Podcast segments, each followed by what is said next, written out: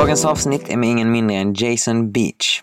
Före detta juniortränare i Skånes klätterklubb, rutinerad 20-klättrare och inte minst fysiker. Jason växte upp i England och tävlade i judo på hög nivå.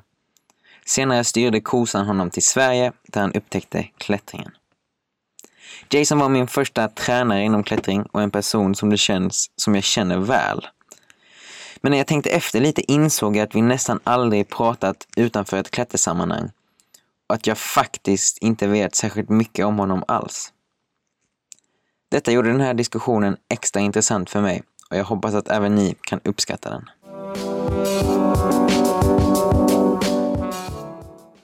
Men det, det är en cool grej när man har så... eh, Som jag har märkt lite, man sitter och pratar med någon och så måste man lyssna på dem. För att det är så man får flow i en konversation. Liksom. Ja, ja. Men sen så kommer jag på någonting som, okej det här vill jag prata om. Eller som någonting som du sa. Och så försöker jag hänga med upp på det men så slutar jag lyssna på det och sen glömmer jag bort det. Och så. Det är verkligen... Eh, Men det är ganska bra att skriva upp. ja, ja Då kan du faktiskt. släppa tanken. Ja, Det, Ja. är också, det är problem i många konversationer tror jag. Så Ja. fort man börjar tänka på någonting själv så... Men jag tror också det är lite av en eh, liksom, skill som man kan, man Ja. kan säkert, om man, om man så snackar mycket och, eller så, jag vet inte, professionell Ja, ja eh, precis. tal eller någonting, man bara så kan kanske hålla, hålla saker i huvudet. Lyssnar du på någon?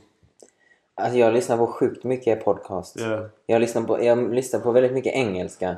Så det är som att eh, jag börjar nästan bli ett problem att det kommer upp engelska ord istället. Vi, vi kan ta det på engelska om du vill.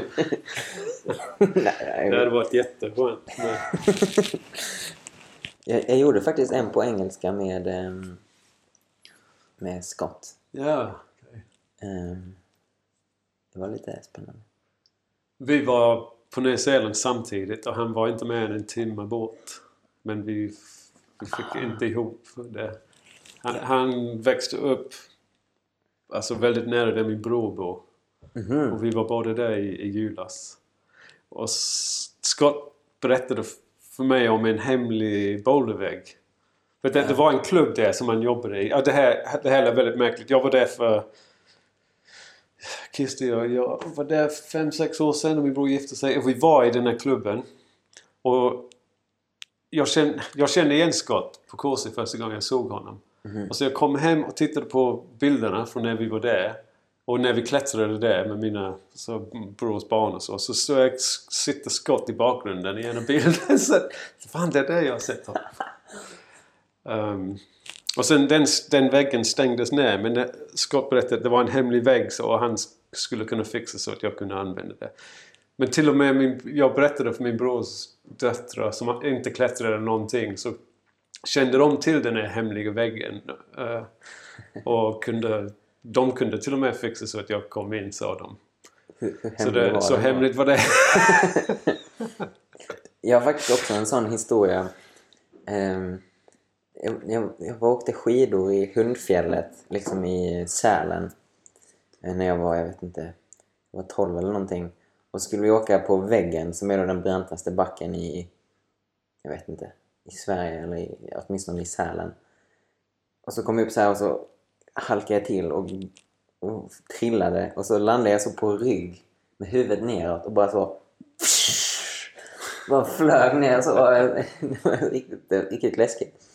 Och sen senare, mycket senare, eh, så träffade jag eh, Sandra då och så började vi, alltså, snackade vi så. Och då hade hon varit där och sett någon trilla ner för... Eh, Ja. ja, jag såg någon som trillade ner på den där väggen. Så bara, det måste ju ha varit jag som liksom bara så susade ner. Så det är lite kul hur, liksom, hur slumpen, eh, hur ödet fungerar när man bara... Eh, Jag har, jag har haft massa... Det är nästan alltid på Nya Zeeland. Jag vet inte, det är ju en... Det är ett litet land, inte så mycket folk men ändå jättemånga turister. Så de tar sig alla till ungefär samma ställen. Men Mhm. Jag var uppe på en vulkan, Tongariro Crossing, och träffade folk från Norra Fälaren i Lund. var uppe på en glaciär, Foxglaciären. Så träffade vi två killar, igen från Lund. Och det konstiga där var att min före detta fru då jobbade på Finn när hon var tonåring. Och den ena killen var sonen till de som ägde Finn Och han var bebis då under den här tiden. Ja. Och vi, vi kände i... Alltså fråg, det här kom upp för att han hade en jacka på där det stod Finnin på. Ja. Och min fru var liksom ah, jag jobbar på Finnin. Och så kom det fram att han var ju deras son. Och de kände varandra. Eller hon, han var ju bebis men hängde där på, Ja. på Finnin när hon jobbade där. Så det är helt galet. Slumpen. Och sen var vi... Vi campade vid en sjö också långt ner i, på Sydön. Mm. Och det var ingen där. Det var helt tyst. Alltså, fantastiskt vackert ställe. Så kom det in en husbil, ställde sig där. Och så efter någon timme så tänkte vi att kan vi gå och säga hej? Liksom, det är ingen annan här. Så Ja. började prata med dem. Och de var från England. Och deras dotter bor i samma by där min mamma växte upp. Alltså det är inte mer än några hundra som bor där. Ja. Det är helt, helt galet. Eller så kanske det bara är så att man verkligen kommer ihåg de eh, tillfällena när det sker sådana slumpar extra mycket. Ja, ja, det är liksom, klart man gör det. man Men har en, säkert- jag, jag är ju fysiker. Jag tror inte på något mystiskt eller någonting. Men ändå att, att gå till andra sidan jorden och tr- Ja. träffa någon vars dotter bor i samma by som Ja. Mamma växte upp i. Det är ju ändå... Det är, Det är ingen stor liten- chans på det. Nej, nej, det är verkligen det är sant. Ja. Okej, men vi, vi, vi har redan kört igång nu. Men, eh, nej, men jag, jag brukar alltid fråga folk hur de börjar klättra och sånt. Men eh, en kanske roligare ingångspunkt är kanske eh, det som jag tänkte på nyligen när ni var på 20 kull, du och Adam, Ja. Och klättrade, vad var det, 200 ja, jag klarade 200 problem. Adam bröt han klarade inte 200. den magiska Men... eh, gränsen. Ja. Hur, hur för, förberedde ni er för det här? Eller hur? Ja, jättemycket. Alltså det, det började för ganska många år sedan. Alltså, jag tror vi körde en kvällsklättring after work. Visste inte riktigt vad vi skulle göra. Och så någon av oss kom på tanken att vi skulle försöka göra 50 lätta problem. Ja. Vilket vi klarade, men det var inte så lätt. Alltså. Och så började vi... Då började det lite tradition av att försöka göra många problem. Typ en gång per år. Mm. Så vi, i och med att vi har försökt göra det så har vi liksom lärt oss lite var man hittar problemen och vilken liksom, väg man ska ta för att hitta tillräckligt många problem som är lätta då. Just det. Och jag tror det var 5-6 år sedan så lyckades vi göra 130 på en dag. Eh, Just det, jag kommer ihåg det. Var det, var det inte det samtidigt som någon Ja, sån här Skånes ja, klubbträff? ja. Just det, jag minns. Eh, men där hade vi också kravet att vi, på oss själva att vi skulle klättra några problem i varje section på den gamla. Ja, Så vi sprang ända ner till Pestkyrkogården. Och, ja, alltså vi, vi var i alla... Och det, det, det gjorde det ganska tufft alltså, också. Ehm, och sen före sommaren så ville vi slå rekordet liksom. Vår egen rekord. Som ingen annan känner till. Eh, men det var dagens varmaste... Äh, årets varmaste dag. Så. Och vi var helt oförberedda. Hade ingen riktigt bra plan eller någonting. Eh, och det var jag och Adam och Bengt Müller. Bengt blev av med båda sina st- stora tånaglar efter typ 30 problem. Jag får små skor. Och Adam och jag klarade typ 100. Men hade, vänta, så har ni, har ni klätterskor på er? Eller har Ja, ni ibland, jag har bland, blandat. För det mesta inte, men man tar på dem på, när man behöver det. Och har ni någon form av padda med er? Eller kör ni bara... Ja, vi har padda men för det mesta handlar det om att kunna komma ner. Mm, Så kan man välja att klättra med padda eller... Alltså om man ska göra 5-6 problem på en block ja. så lägger man paddan under nedstigningsstället istället. Så går man upp och sen hoppar man ner. Går upp och hoppar ner. Ah. Så Just det. allting handlar om logistik. alltså det... Jag tror att du hade klarat det ganska lätt. Ja. Jag blev lite taggad faktiskt. Bara hela grejen. Ja, liksom, ja. Att förbereda sig och... Men det, det är inte som att klättra 200 problem på gymmet. Alltså vi, vi gick 20 kilometer. Ja, Det, ja, Och det tog 17 timmar. Så det, jag tror du hade säkert kunnat göra det mycket snabbare och mycket lättare. Men det är också, det är lite annorlunda för det är också den här...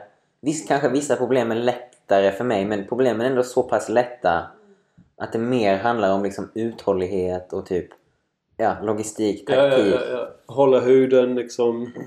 Du måste också klättra ner 200 gånger. Ja. Och om du inte tänker på... Alltså du kan inte ta på, ta på och av skorna 200 gånger. Nej. Det går ju inte. Så du måste...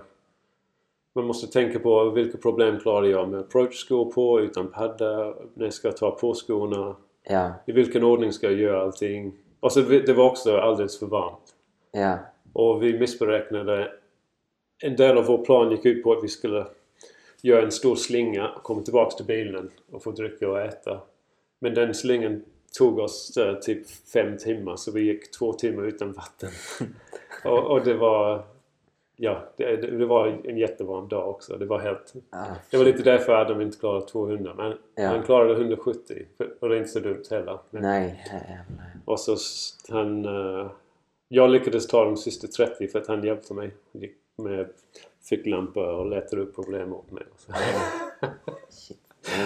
Men det var riktigt. Jag, det var riktigt roligt. Alltså, jag, men vi förberedde oss jättemycket. Alltså, vi, var, vi var där uppe ett par veckor innan och gick rundan bara. Och det Mm. tog fem timmar bara att gå runt. Oj. Bara för att liksom, bestämma vilka, pro, vilka problem Så var börjar ni någonstans? Eller ungefär hur går Ja, vi började med... Vi har gjort det på lite olika... Den, den här gången, vi började med grinden. Mm. Eh, och så gjorde vi eh, allting där i mitten. Och sen solväggen. Uh, sen där vid guld, silver, brons. Och sen gjorde vi misstaget att gå upp till sjöstenarna. Eh, och klättra ner igen mot... Alltså ta oss ner igen från sjöstenarna mot... eh, eh, utsidan. Alltså det... Uh, Våroffer är Ja, okej. Ja. På baksidan. Men det, det här med att vi gick ända upp till sjöstenarna och klättrade alla lätta problem. Alltså det, vi fick in bara 10-12 problem där och det tog en, ganska lång tid. Alltså en Mm. och en De blir timme. ganska off. Så ja, precis. Det var Ja. dumt. Det hade varit bättre att lägga in lite hårdare problem som låg närmare varandra. Och sen gick vi en, ända ner och sen under Jörgens och det runt till... Um, uh, vad heter det? Inte riktigt så långt som Spike men då, då gick vi upp till... Typ vid sagostenen. Ja, precis. Sagostenen. Eh, he- hela vägen ner under. Och sen upp mot Four Och sen upp till Gamla skogen. Alltså vi har gjort Gamla skogen och, och ängen har vi gjort så många gånger. Det vet man att man kan få in 100 problem på ganska kort tid. Ha. Men eh, efter att ha redan gjort 100 problem så, så är man lite trött och långsam. Börjar få ont i fötterna och... Men tanken var då, liksom, när ni gick därifrån, från liksom eh, nya skogen till gamla skogen. Var det däremellan? Nej, vi gick förbi bilen och käkade. Det var där, okej. och så. Det. Men det var flera timmar senare än vad vi hade beräknat att Ja. det skulle vara. Så kom vi, när vi, vi var halvvägs genom gamla skogen när det började bli äh, solen gick ner. Mm. Ja, det var den mest fantastiska solnedgång jag någonsin sett. Jag klättrade ner från de här problemen, de lätta problemen, ah, vad heter de? De är bakom äh, Monolit. Det finns ett gäng, äh, tre Äh, stycken ganska... Är det på samma sten som monolit? Ja, nej. Det är sten de slabbarna. Den Ja. onde, den gode och den Ja, ja precis, precis. Jag kom ner från dem så min första tanke var shit, någon har hällt ut röd färg i skogen. Det var rödaste... ehm, ja, så var det bara solen. Wow. Som var, den var precis på horisonten. Det var helt röd och alla stenar, alla löv, allting var bara röd. Det var helt Shit. magiskt.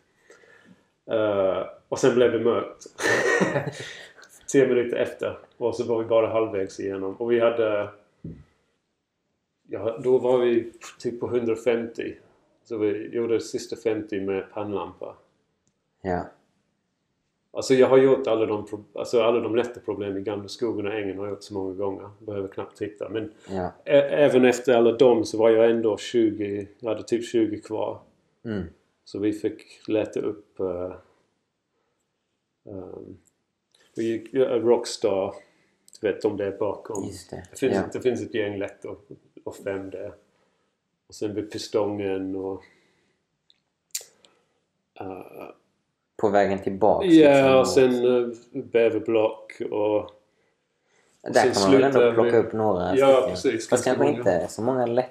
De är ja, ändå lite... Nej, men lätt och fem. Och, alltså, igen, Ja. jag har gjort dem ganska många gånger så det är inte Ja. så svårt. Alltså, även med approach-skor på och så. Ja. Och sen den sista var den till vänster om... eh, alltså den med grinden. Eh, Trick static. ja, den är sittstarten. Så man, sitter, ja, man ja. startar i, eh, i sprickan där. Ja. Alltså jag tror att det tog 15 försök. Jag pallade inte ta på skor och det var skitsvårt att stå med approach-skor på. Men uh, Den är ändå klurig för det är också en sån överrockning i slutet. Ja, ja, ska man nå upp. eh, Men med 510 approach-skor. Ja. 510 guide tennis är jävligt bra bowla i. Ja. ja de, jag tänker att man nog måste ha dem för att kunna slå det rekordet. Eller så Ja, här, det tar... Jag tänker klätterskor blir... Um, kanske man... Jag vet inte. Har man med... Kanske man vill ha med sig ett par klätterskor? ja vi, har, alltså vi tar på dem... Alltså de där svararna uppe, till exempel uppe i... Långt upp i...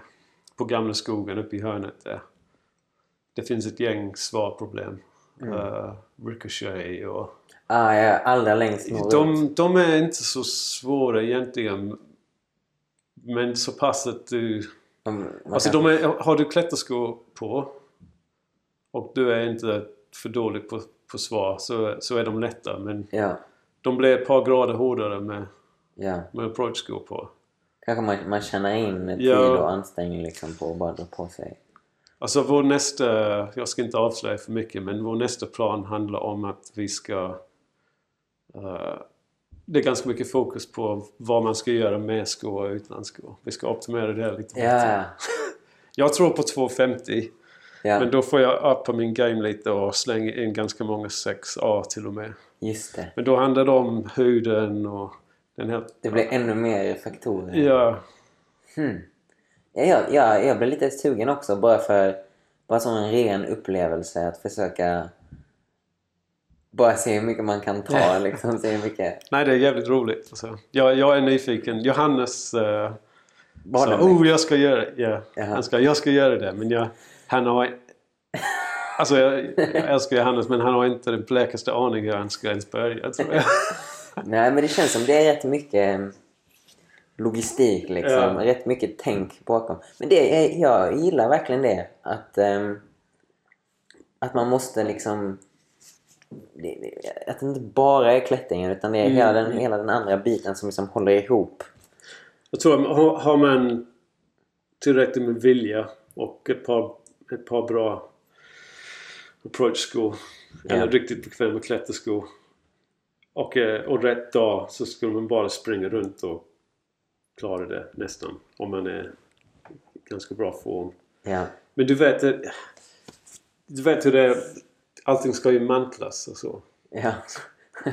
Alltså, du, du kan tänka på vad som helst men och göra det 200 gånger. Det spelar ingen roll hur lätt det är. Nej, det är liksom två, det är som 200 jobbiga push-ups liksom. Ja, Det är fan... Eh, och inte bara, det är ju bara det är ju bara sista moven då. Då är det Ja. annat också. Alltså det är inte, jag, jag, jag vet inte, jag är inte uh, riktigt bra klättrare men eh, det, är en, det är en speciell... eh, man, måste ha en, man måste vara lite galen tror jag för, ja. för att ta Ja, sig an en sån dum grej.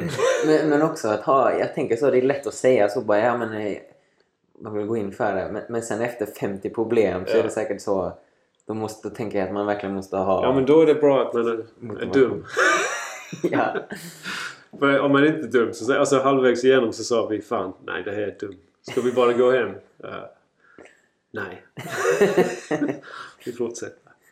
När Adam sa till mig efter var det ungefär halvvägs igenom när det var som, som varmast på eftermiddagen så sa jag fan det här är ju en klätterdag. Det här är en stranddag.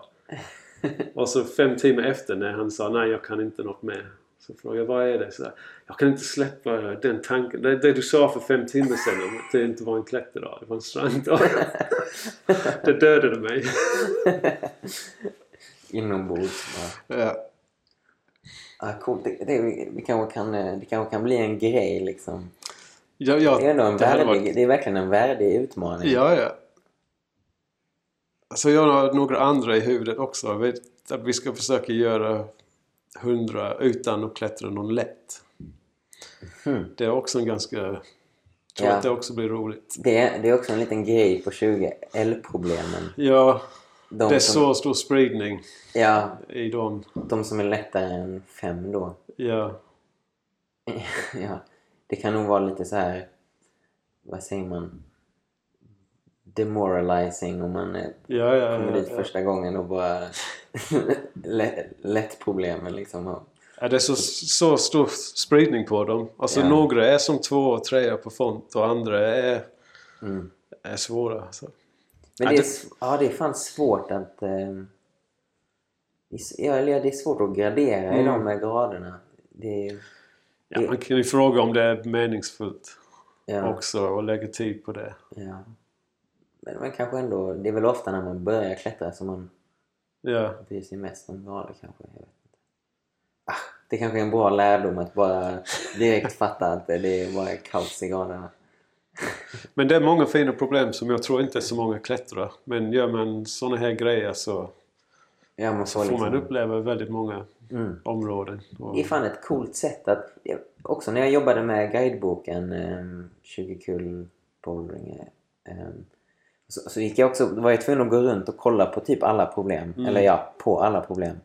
Ehm, och då eh, såg man också massa, som borta vid Pestkyrkogården Ja, som är ja. den allra sektorn längst bort. Ehm, där finns ju några coola grejer. Liksom, ja, den jag är ha- hallon. Eller, Ja, är- hallonsoda. eh, parallella sprickor. Den är riktigt... Den är eh, riktigt fin. Den är snygg. Och, ja, och, och bara en massa så här gömda pärlor som finns liksom lite Ja. här och var. Det är ett, eh, det är ett kul med 20 kul. Det finns liksom... Och det finns också mycket såna här saker som ligger typ gömda i någon svacka liksom mellan Ja, något ja, block och... Det märkliga också det, om du tar dig runt och klättrar lätt är att vissa områden har folk ut, utvecklat rätt bra. Mm. Och det finns andra områden där det finns minst lika många potentiella problem. Men det är bara en lätt på en sten och kanske en 6A på en annan. Ja, Och allt annat är orörd. ja, Och det... Adam och jag snackar om det jättemycket. Alltså, antingen borde det vara ingenting eller, eller allt på något sätt. ja. Så att eh, antingen lämnar man det i fred eller så kan man gå dit och klättra ganska många problem.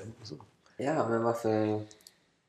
Varför inte egentligen? Det är ju bara om man, om man tycker det är kul att hitta något som man blir taggad på. Men det, det verkar så slumpmässigt att man plockar... Alltså, det Ja. finns vissa ställen, du, du har säkert sett dem själv, att det finns kanske potentiellt fem sex problem som är helt okej. Ja. Men den ena problem som någon har faktiskt gjort och rapporterat in är det sämsta på blocket. ja. Någon märklig sittstart Ja. eller någonting. Ja men ibland så... Jag vet inte, det är kanske bara ett bevis på att folk eh, verkligen ser Ja, jag, saker och var, ting jag var här. olika. Min flagga. Jag var här. ja, ja. Nej, men Eller det- så bara tyckte de det var en fet Ja. linje typ. Ja, det är nog som du säger. Jag, jag har ingen aning. Men Om man känner de som gör den första bestigningen så kanske man fattar att det, ganska, det kan vara lite ironi det ibland också. Ja. Ja, ja, jag har ingen aning alltså kanske. Men vad jag ofta tycker... Jag kan verkligen uppskatta så lätta slabbar och svarproblem av olika slag. Ja, Men väldigt ofta så är de inte klättrade. Jag tror kanske i ganska stor grad på 20 Mm. är de flesta klättrat. Men så jättemycket typ i kanske Västervik eller på många andra ställen så är bara alla taken klättrade och alla så här fina... Det är liksom det är som att eh, svagklättringen håller på att dö ut. Eh, Ja. Känns det lite som. Med alla inomhusgym och så. Folk är bara taggade på stora... alltså det är nog det vi, det vi brukar landa när vi diskuterar det här med att varför är det inte fler problem gjorda. Mm. Är att även de som är gjorda klättras inte för det mesta. Mm. Folk håller sig väldigt mycket till de här kända områden. Glyvlestenen, eh, Ferdinand. eh, ja, det finns... Uh, alltså Jörgens är rätt populär också. Vissa ställen där man Ja. alltid hittar folk. Alltså den dagen vi gjorde 130 problem, det var klubbutflykten. Ja. Och det var säkert 40-50 klubbmedlemmar. Ja. Vi träffade ingen under hela dagen. För vi, vi Ja. kunde hålla oss eh, undan. Det är egentligen... eh, Och det tar oss runt hela 20 utan att träffa någon av de här 50 klubbmedlemmarna. För att de var bara på Klyvnerstenen, Ja. mattor och, och ja. Det är liksom the, the beaten path. Ja, ja, Så- ja. Men, men jag kan känna igen det verkligen. De första gångerna jag åkte ut så var det med några personer. eh, Jag vet inte vad skånska till klubb, jag kommer inte ihåg exakt. Men det var typ så. Ja, så går vi till Ferdinand, kanske möjligtvis Baltasar, Babar. Och så går vi liksom till, jag vet inte, Colosseum. Alltså det, det var så några punkter som man gick till varje Ja, gång. ja. Som att man... eh, Det är ett bra problem. Ja, Men, eh, Men ändå, varför- det finns väldigt mycket ja, där. Ja, jag känner verkligen jag måste... Jag tycker det bästa är ju att kolla in nya saker. Mm. och Borsta upp. Jag brukar göra det att varje gång försöka borsta upp någon liten obskyr 6C eller jag Ja, vet ja, inte, ja. 6A eller någonting. Som har fallit i glömska. Det, bara, bara den grejen. Visst, det, jag har lite sån hets liksom att jag vill klättra något någorlunda hårt kanske. Eller då och då åtminstone. Men jag kan få väldigt mycket ut av att bara göra, alltså så, borsta upp något gammalt eller något Ja, ja, sånt. Det, Jag förstår det helt och hållet. För jag, jag, är, jag är nog lite för glad för att klättra mycket. Mm, Och in, jag har aldrig varit så mycket för pro, äh, alltså, projektklättring. mm, Det är nog därför jag inte klättrat så svårt. Jag, jag älskar att åka till 20 och klättra 30 problem. ja, Om jag får in ett par 6C och handfull med 6B och 6A, nog är det lätt. Så det är det perfekta dag för mig. ja, Jag, jag vet inte, jag har så svårt för att åka dit flera gånger och försöka klättra samma problem. mm. Men jag känner, också, jag känner också igen det för att när jag, när jag började klättra så hatade jag att projektera. Eller jag, jag ville göra Mm. saker snabbt. Och sen, eh, men sen till slut så eh, kom jag till ett problem som jag väldigt gärna ville göra men som jag inte kunde göra. Mm. Och så till slut hade jag inget val liksom för att jag bara... Ja, men jag vill verkligen göra den här men jag kan inte göra den. Och så blev jag... Och så, fick, och så lärde jag mig lite den processen också. Ja, ja. Att liksom... Och, och nu mer och mer har jag fattat skärmen med det. Men... Men om jag jämför de, liksom, om jag jämför de två, projektering och göra saker snabbt, så, till, så det är det roliga att göra saker snabbt. ja, ja, ja. Men sen har jag snackat med någon som eh, Erik Bäcklin typ. Och så det bästa han vet är att projektera. ja. Han så sa till mig, om jag hittar så en sten som är så svår att jag bara kan gå till den så resten av mitt liv, typ varje dag. så hade det varit det bästa jag någonsin hittat. Typ. ja, Jag ja. kanske överdriver lite, men, men något i den... eh, ja, jag önskar att jag var bättre på det. Jag försöker lära mig. Jag ska tvinga mig själv att göra det den här kommande säsongen. Ja, För, ja. Jag tycker också det är kul. Det hade varit kul att klättra lite hårdare. det är ändå en lite annan... eh, När man lagt ner mycket tid på någonting så är det liksom en annan grej när man kommer upp på toppen. Ja, Det, det är liksom en annan känsla. Det, det är inte alltid nödvändigtvis att det betyder mer eller så. Men jag, jag har fått en känsla. Det tog mig... Jag tror att det tog mig tio år att göra Fires Dina. Mm, ja. Så jag, jag vet hur den känslan är. Ja, Det var inte så att jag jobbade på det hela tiden. Men nej. varje säsong så körde jag lite på det. Mm. Och, alltså jag vet inte, är det någon konstig grej att jag inte kunde få in timingen. Det var Ja. jättemärkligt. Men när jag, till slut när jag gjorde det så satt jag där uppe och tror att jag kanske grät en liten tår eller någonting. Ja. Det var, en hä- häftig känsla. Och det har jag också fått. Jag, också, jag, jag har pro- projekterat grejer men för det mesta så gillar jag att flashklättra och klättra snabbt och så. Mm. Så min flashnivå är typ samma som min...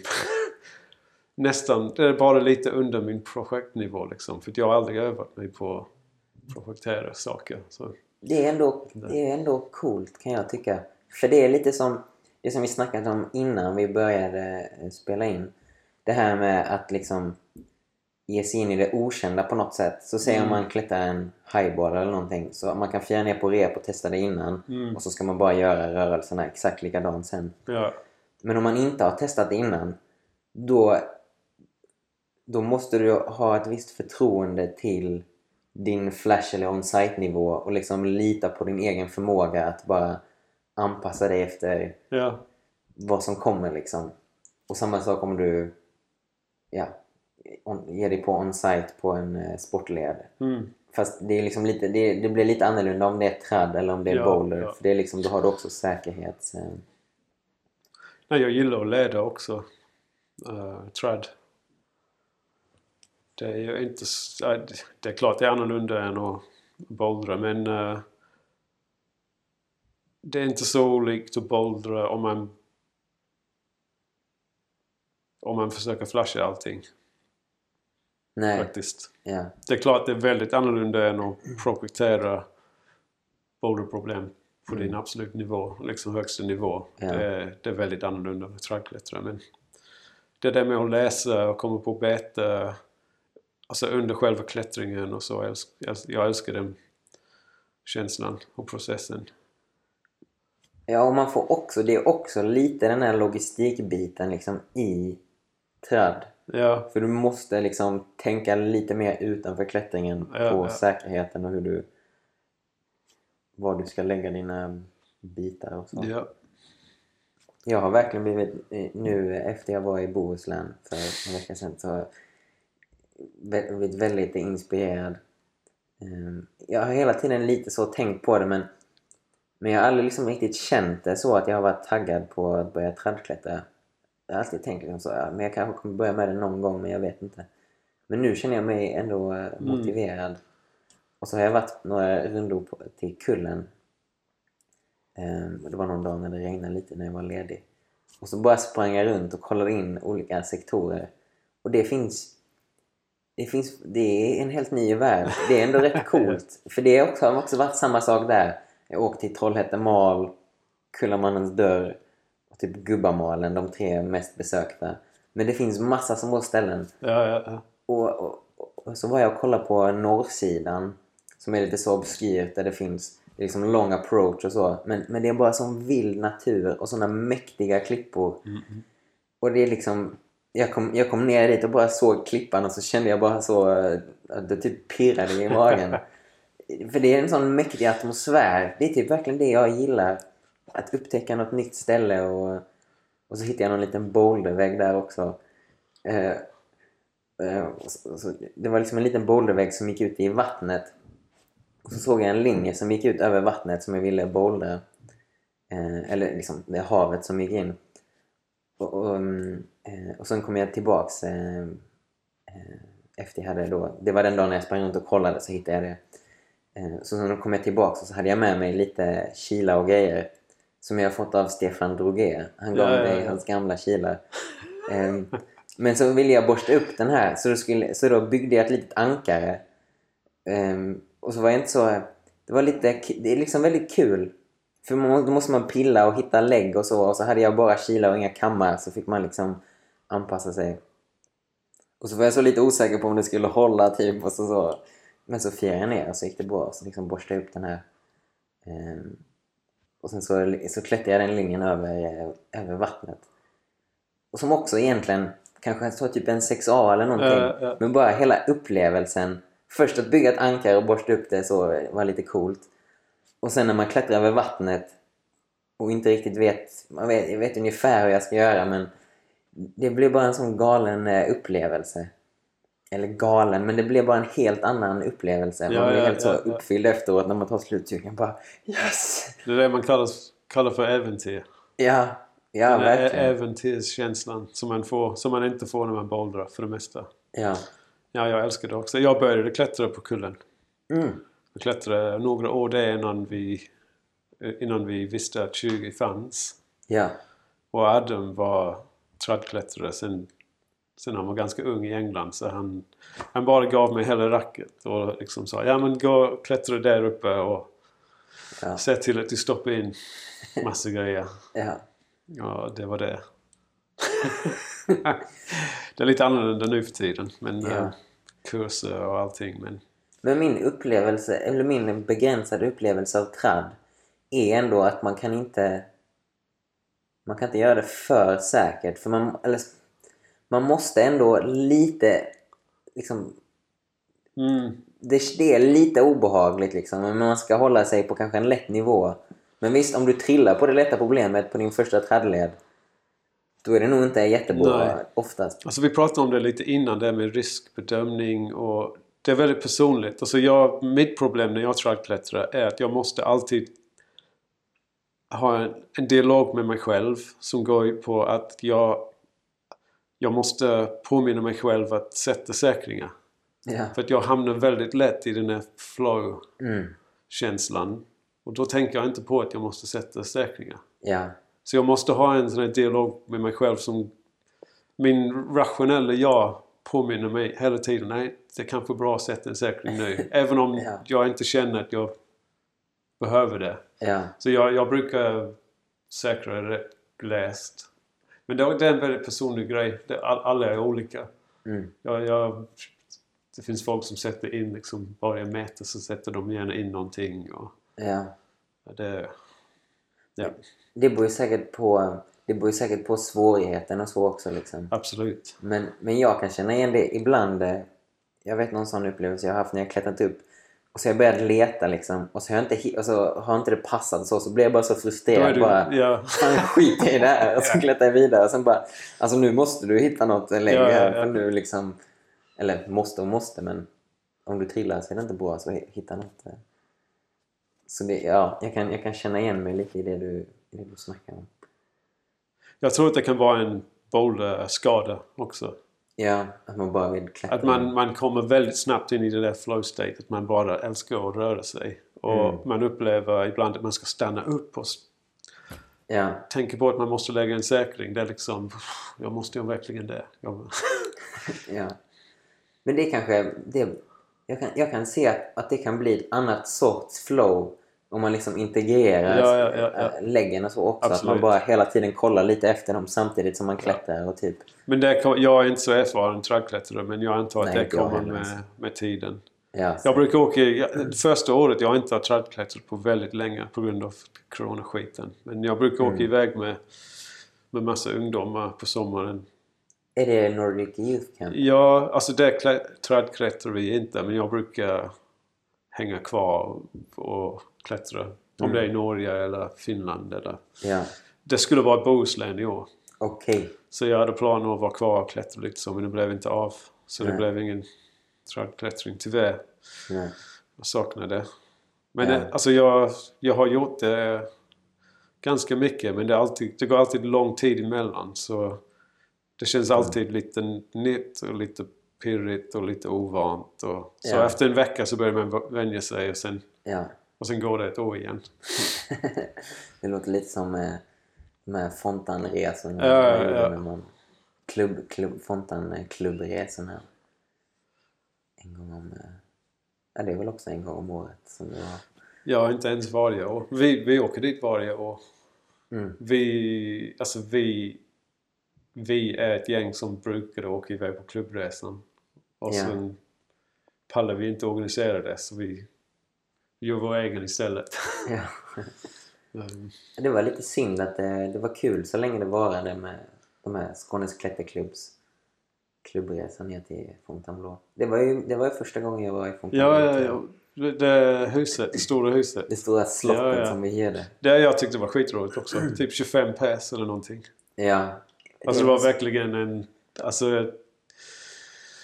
Man kan vara ifrån på olika sätt men det där att man klättrar på dagen och festar på kvällen. Ja.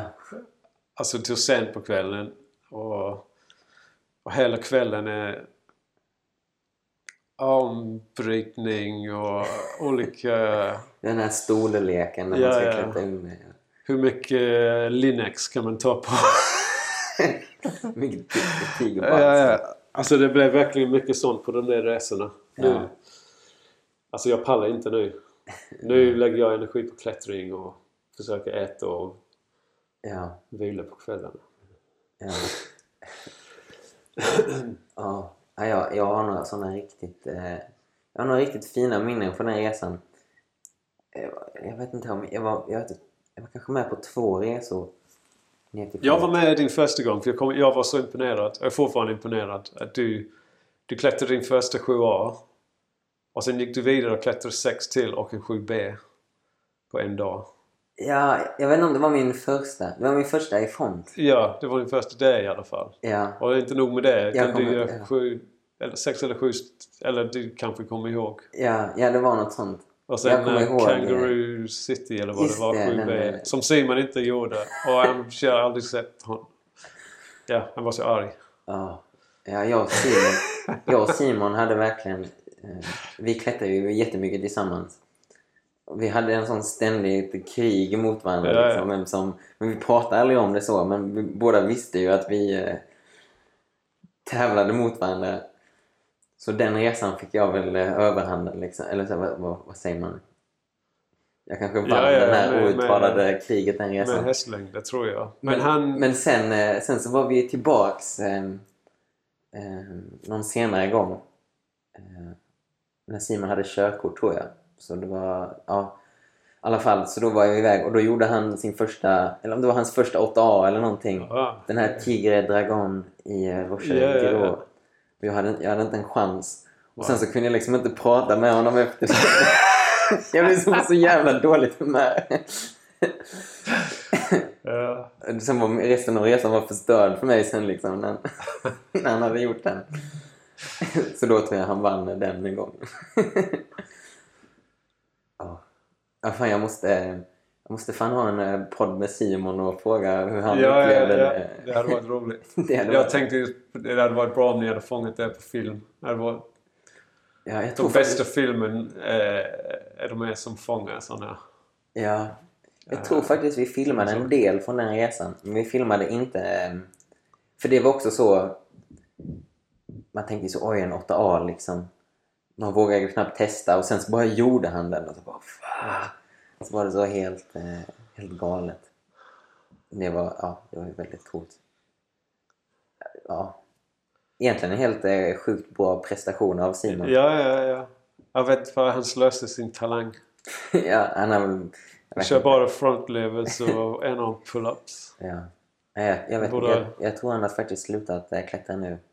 Ett tag så var han och klättrade lite sent på kvällarna i Lund vet jag. Ja, men han tränade mest. Alltså Ja. styrkeövningar. Men han tappar väl, jag vet inte, han tappar motivationen tror jag. Ja.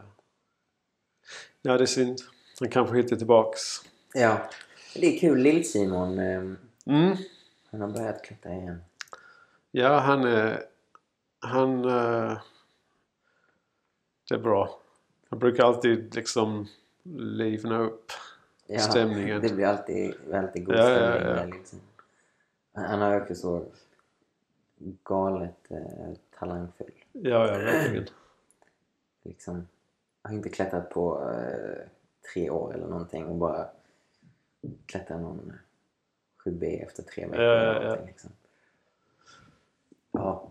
Men det var... Fan, det var du också. Alltså, jag kom... Du, du började väl... Började du i min grupp på onsdagar?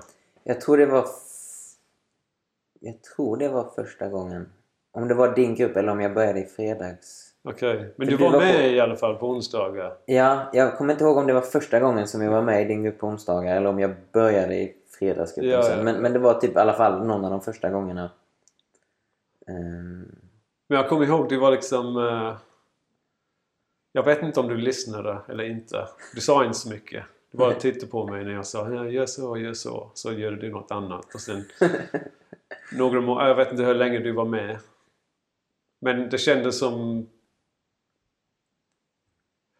Jag vet inte, det kändes som... Det var verkligen inte så lång tid efter så, så åkte vi till Font och då gjorde du alla de här sju år så tänkte jag... Ah, vad var det jag tänkte? Jag vet inte. Jag, jag, jag kände inte att jag bi, hade bidragit till det så mycket. jo, men det tror jag ändå. Det var ändå... ehm, jag förstörde dig inte i alla fall. Nej. Nej, Men- det fanns gott om andra som kunde göra det. Nej, jag var väldigt imponerad. Jag, det, det var roligt att se. Det är inte så ofta att det går så. De allra flesta som jag har haft att göra med, de klättrar i 10 år. Eller nej, inte ens så länge. De klättrar 5-6 år. Sen slutade de. Mm. Och så utvecklades de inte så mycket. Men de har kul och det är ju bra. Det är ju, Ja. det är ju kul att vara tränare. När barn tycker det är roligt. Men det är ännu, ännu roligare när någon utvecklas så man får se det liksom. Ja. Ja men det är väl mycket så har jag fått för mig runt gymnasiet typ eller så där man där många börjar göra andra grejer och liksom, Ja, ja. liksom slutar lite. Men för mig var det ju så jag jag vet inte jag hade inte en jätterolig tid på gymnasiet direkt så det var mer så att klättringen var liksom det som tog mig igenom Ja, ja, ja. gymnasiet lite mer kanske. Så det var verkligen jag tror verkligen det var tur att jag hittade det. Kunde, kunde Jag var, det var liksom motsatt för mig. Eh, Jag började, jag, jag började judo när jag var sex år gammal. Mm. Och körde ända fram till jag var 16. Där jag upptäckte massa annat roligt. och slutade. Men däremellan, alltså jag var ganska duktig. Mm. Jag var med i tre olika klubb typ och tränade många kvällar under veckan och tävlade på helgerna. Var det, var det England då? England, ja. Mm. Och min bror som var två år yngre än mig men jag var liten han var stor så vi var ungefär samma vikt. Och då tävlade man tävlar i viktklasser. Så vi tävlade oftast i samma viktklass och vi tog alltid hem guld och silver. Ibland var det jag som fick guld och ibland var det han. Ah. Men vi hade en jävla säck full med medaljer. Och, eh, det, är ett, det är en stor idrott i England. Mm. Och så när vi tävlade så var det... Alltså det var... Alltså det var... Det kan vara ett par tusen på stora tävlingar. Ett par Ja. tusen barn. Alltså det var... Wow. Och jag tävlade som mest på... Tog medalj i hela södra England. Bara brons men det var typ högpunkten. Ja, shit. Men det är ju fan... Uh, sen när jag var 16 så slutade jag bara tvätt. Vill inte, jag ville bara dricka öl och vara ute och hänga och så. Ja. Eh, det är typ samma sak som, ju, som man säger. Fast jag tror att det är ovanligt att om man är så duktig på klättring att man slutar så tvärt. Men jag vet inte, jag tänker ändå... Jag menar Simon som vi Ja. snackade om, han var ju duktig. Och också eh, Tobbe, Ja. Tobias Andersson som var ju... ja. Jag vet inte. Han, jag, jag var aldrig riktigt med när han klättrade. Men han var väl också väldigt, väldigt grym och slutade. Och sen Ja. typ kom tillbaks efter något år när han inte har klättrat. Tränade i några veckor och så åkte de till Magic Wood och gjorde typ så Ja, 8, 9, 8 A och sen efter det la han av igen typ. Och, jag vet Ja. inte, vissa verkar bara... Jag tror det finns folk som, eh, som inte bygger upp liksom Alltså, du är säkert samma som jag. Jag har byggt en stor del av min liksom, eh, social samvaro och så kring klättring. Liksom. Ja, Jag har kompisar som klättrar, jag åker iväg på klätterresor och eftersom det inte handlar om prestationer enbart utan jag älskar att träna och jag älskar att hänga med klättrare, resa, klättra, allting så jag, jag, har, jag kan, kan inte sluta liksom. Man kan inte sluta nej. med någonting som är så stort och viktigt. Men om man, om man är 16 och bara tränat jättemycket och åkt på någon tävling. Det, det är lätt att sluta liksom. Ja, men det känns också...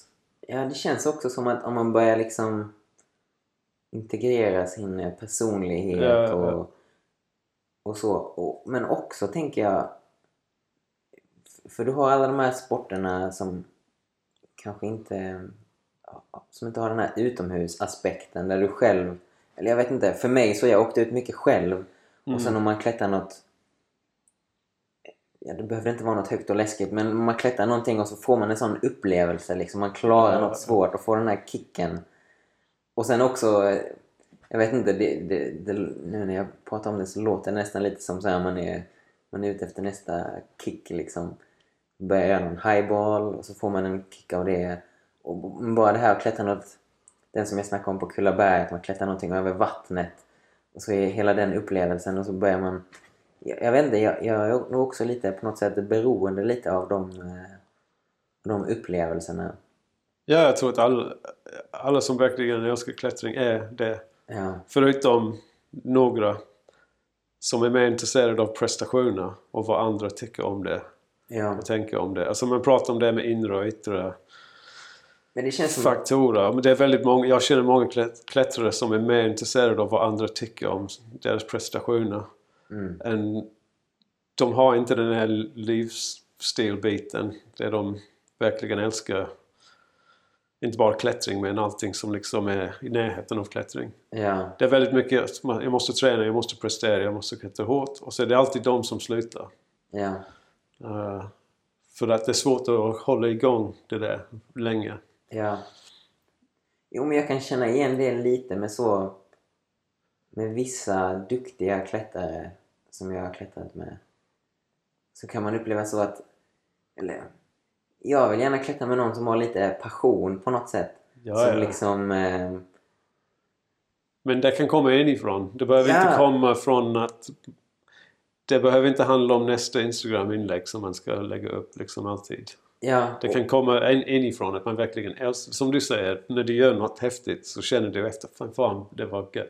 Ja. Så du tänker inte fan jag måste springa till datorn och berätta för alla vad jag har gjort. Nej, nej, exakt. Och liksom att det inte är så... Att inte är mitt bästa problem någonsin är den svåraste graden jag har klättrat eller Nej. något sånt.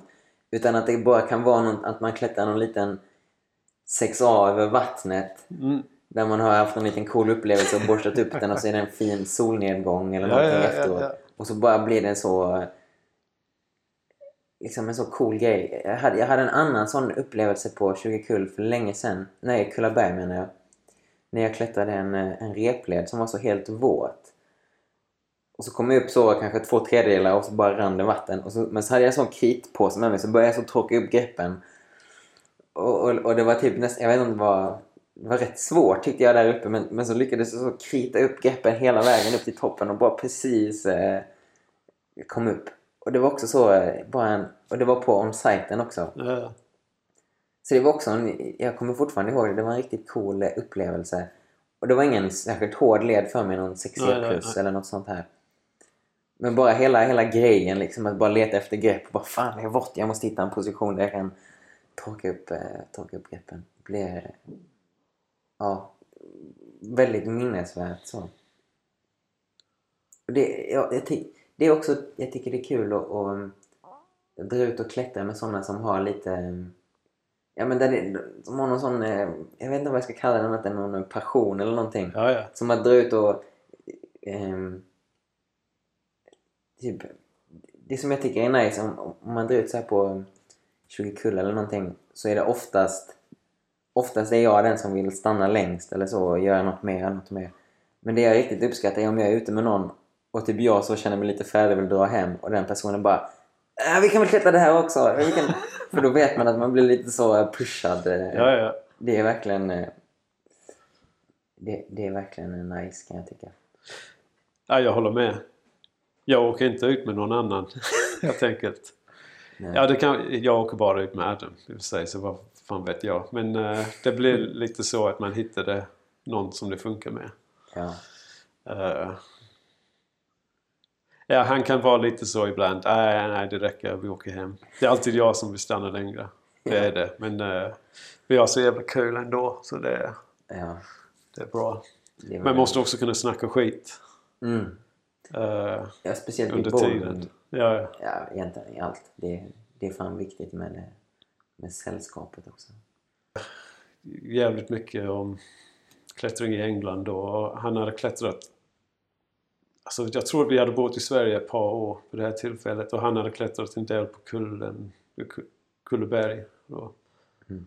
Så han började, jag började, åka dit med honom och ehm, ja, det var till, alltså vi vi kom till Sverige, vi kände inte varandra innan men vi kom samma år till Sverige. Ja. Eh, och träffade varandra på komvux då. Ja, och vi har klättrat ända sedan dess. Två, tre gånger per vecka Coolt. på olika ställen. Han bodde i Malmö ett tag, så kände vi det. Och... Fast det, det har varit lite problematiskt för att jag hade i början så hade jag små barn. Mm. Så var det lite svårt att få ihop det och pluggade på universitet och så. Ja. Och så när mi- mina barn blev lite större så att jag hade mer tid så fick han barn. Ja. Så det blev också lite... Så vi har, vi har aldrig riktigt haft den tiden som vi sk- skulle ha behövt egentligen och, Mm. och träna. Och det är svårt att åka iväg. Så jag, jag brukar inte åka iväg med honom. Jag brukar åka iväg med andra för att han är... Ja. eh, ja. Jag reser rätt mycket med jobbet så brukar jag passa på att klättra. Så jag har klättrat lite runt i olika ställen i USA och, Ah, och så. Coolt. Men alla Adams erfarenheter är... Han har klättrat jättemycket i, i England. Ja. Och jag har aldrig gjort det. Ja. Det är lite konstigt. Jag tycker det är så coolt i... Eller... Det, det verkar vara en helt annan liksom, kultur runt klättringen i England. Ja, Eller det är verkligen så... um, Alla, alla känner till det på ett helt annat eh, sätt liksom. Jag, jag har märkt det bara när jag har åkt någon gång upp till Göteborg så här. Eller... Folk snackar på något sätt på ett helt annat sätt om klättring och har mycket mer... Så varje person i, på, på gymmen på något sätt har, har så här helt andra tankar om... Jag vet inte, lite som med etik och lite så bara åh har du klättrat den leden eh, och så här. Och visst, det är coolt. Det är på något sätt coolt på ett sätt. Men det, men det är också, det kan också på något sätt nästan bli lite för mycket. Lite så pretentiöst ibland ja nästan. ab- absolut.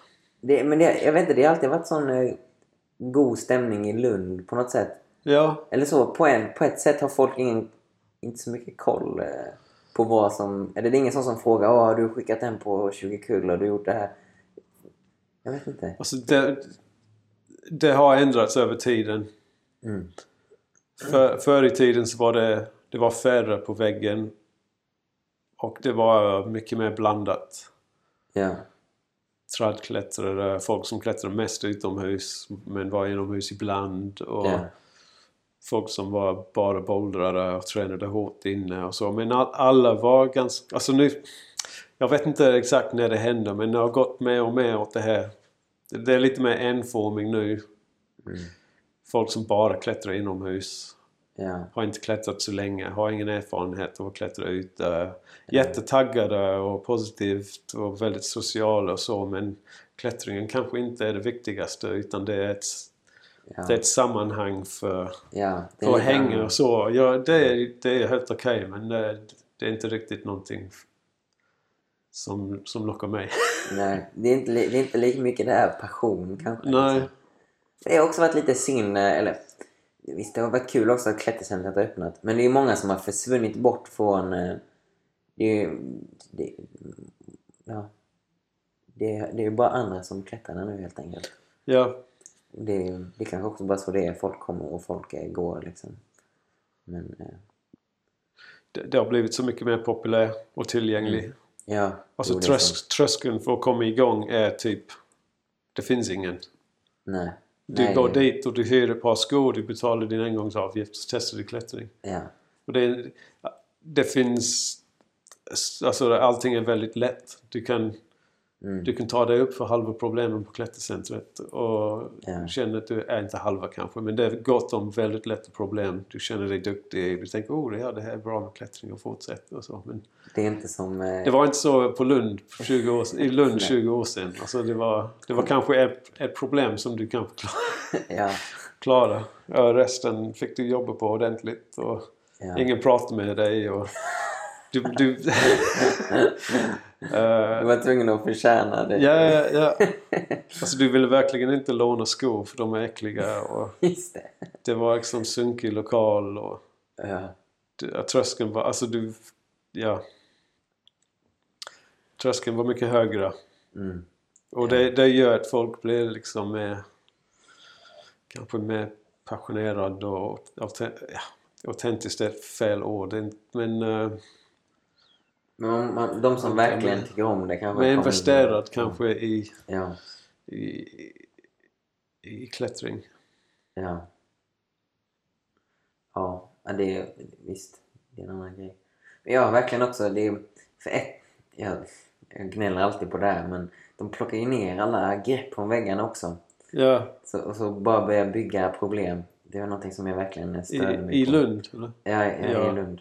Men du har lyckats få till den här kaosväggen. Ja, nu har jag kä- kämpat mig till Ja, två- nej men det var jävligt bra gjort. Jag, eh, det, jag, jag gör det vad jag kunde för att sälja in det Ja. också. Men Nej, det jag är viktigt och jag tror också de, jag tror också den här appen, vi, vi Ja, fixar ja. en sån här app som man kan liksom pricka in problem och spara dem och så. Och jag tror ändå det har ändå gjort att folk har fått upp ögonen lite mer för Ja, det ja. och börjat fatta grejen med och liksom nu kan man börja testa varandras problem och, Ja. och allt möjligt. De har inte riktigt fattat hur man graderar problem Nej. bara. Men det, det är väldigt populärt. Det är Ja. hur många problem som helst som de har satt upp. Men eh, det finns nog inga lätta problem där även om de Nej. har satt fem på dem. Jag fick fan... eh, Det är några av de här kidsen som har blivit riktigt starka nu. Ja, Oscar och Niklas. Ja, ja, ja. eh, Som jag... Jag vet inte, jag, jag kanske har... Jag har klättrat en del med dem. Jag kände, jag kände att jag hamnade lite i sån position som när Erik Andelius klättrade med mig. Så kände jag oj shit, nu är jag i den här positionen. ja, ja. Eh, Så det var lite kul. Men de, de har blivit så jäkla starka också. ja. Jag försökte göra någon 7A på den här kaosväggen av Oscar eh, häromdagen. Fick bara en stor spö. Ja, han, han är så otroligt stark. Alltså. ja, Niklas är också stark men han har, han har varit han har haft problem med skador. Mm. Men Oskar, han är... Alltså det är sjukt. Men Niklas, det är coolt också för Niklas har så blivit mycket mer eh, teknisk och så. Ja. Just eftersom att han kanske då inte kan dra Ja, lika hårt och liksom. Ja. Medan Oscar är med. Det är nog en bra grej också att ha någon som... Bra att klättra med någon som är starkare än en själv och bra för den som är starkare att klättra med någon som är mer teknisk. Det var lite så jag, det var med mig och Simon. Simon var så superstark och så hittade han på massa sådana axelgrejer och allt Mm. möjligt. Och så jag var lite svagare lite mer teknisk kanske. Jag försökte eh, övertala Oskar och Niklas att gå med i Team Skåne. Ja, Men de ville inte. Och sen hände det med Corona. Och Team Skåne fick träna. Och då frågade de om de fick vara med. Men det fick de inte. varför inte? Nej, för vi har skrivit in i reglerna att vi har intag i- början på året. Okej. Och jag, jag ja, kanske inte ska avslöja, men jag, jag var beredd att ta in dem. Men teamet liksom tyckte inte att det var rättvist. Att de skulle, att vi skulle bry- bryta reglerna. Nej. Men jag, ja, de borde vara med i laget, tycker Ja. jag. De klättrar inte ute, så de borde göra någonting. Ja. Tävla eller något. Ja. Det, det är lite ovanligt att man inte är intresserad av utklättring eller tävling. eller bara klättra i Lund verkar lite... De bara gör sin grej. ja men det är ändå mäktigt alltså. Ja, ja. Bara... men de... Jag tror verkligen... eh, Jag tror de, det måste bara vara så att de inte har fattat grejen med uteklättring. Ja, jag tror det. Du får ta med dem Ja. eh, och introducera dem. På... Men eh, alltså det, jag känner, det finns andra unga... Ja,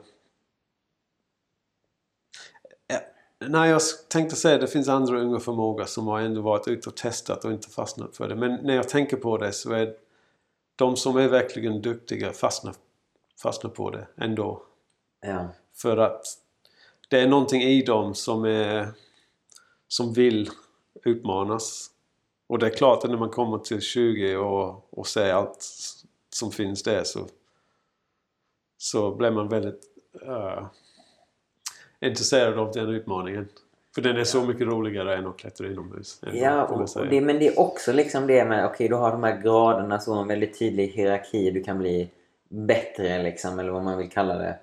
Alltså så, det, det, jag vet inte, jag tror det var en sak som motiverade mig mycket i början, att bara, det är så, det är så väldigt tydligt liksom. Ja. Och sen så småningom så börjar man inse bara, ja det finns 6A som jag inte klarar, även om jag kan klättra 7A, bla bla bla.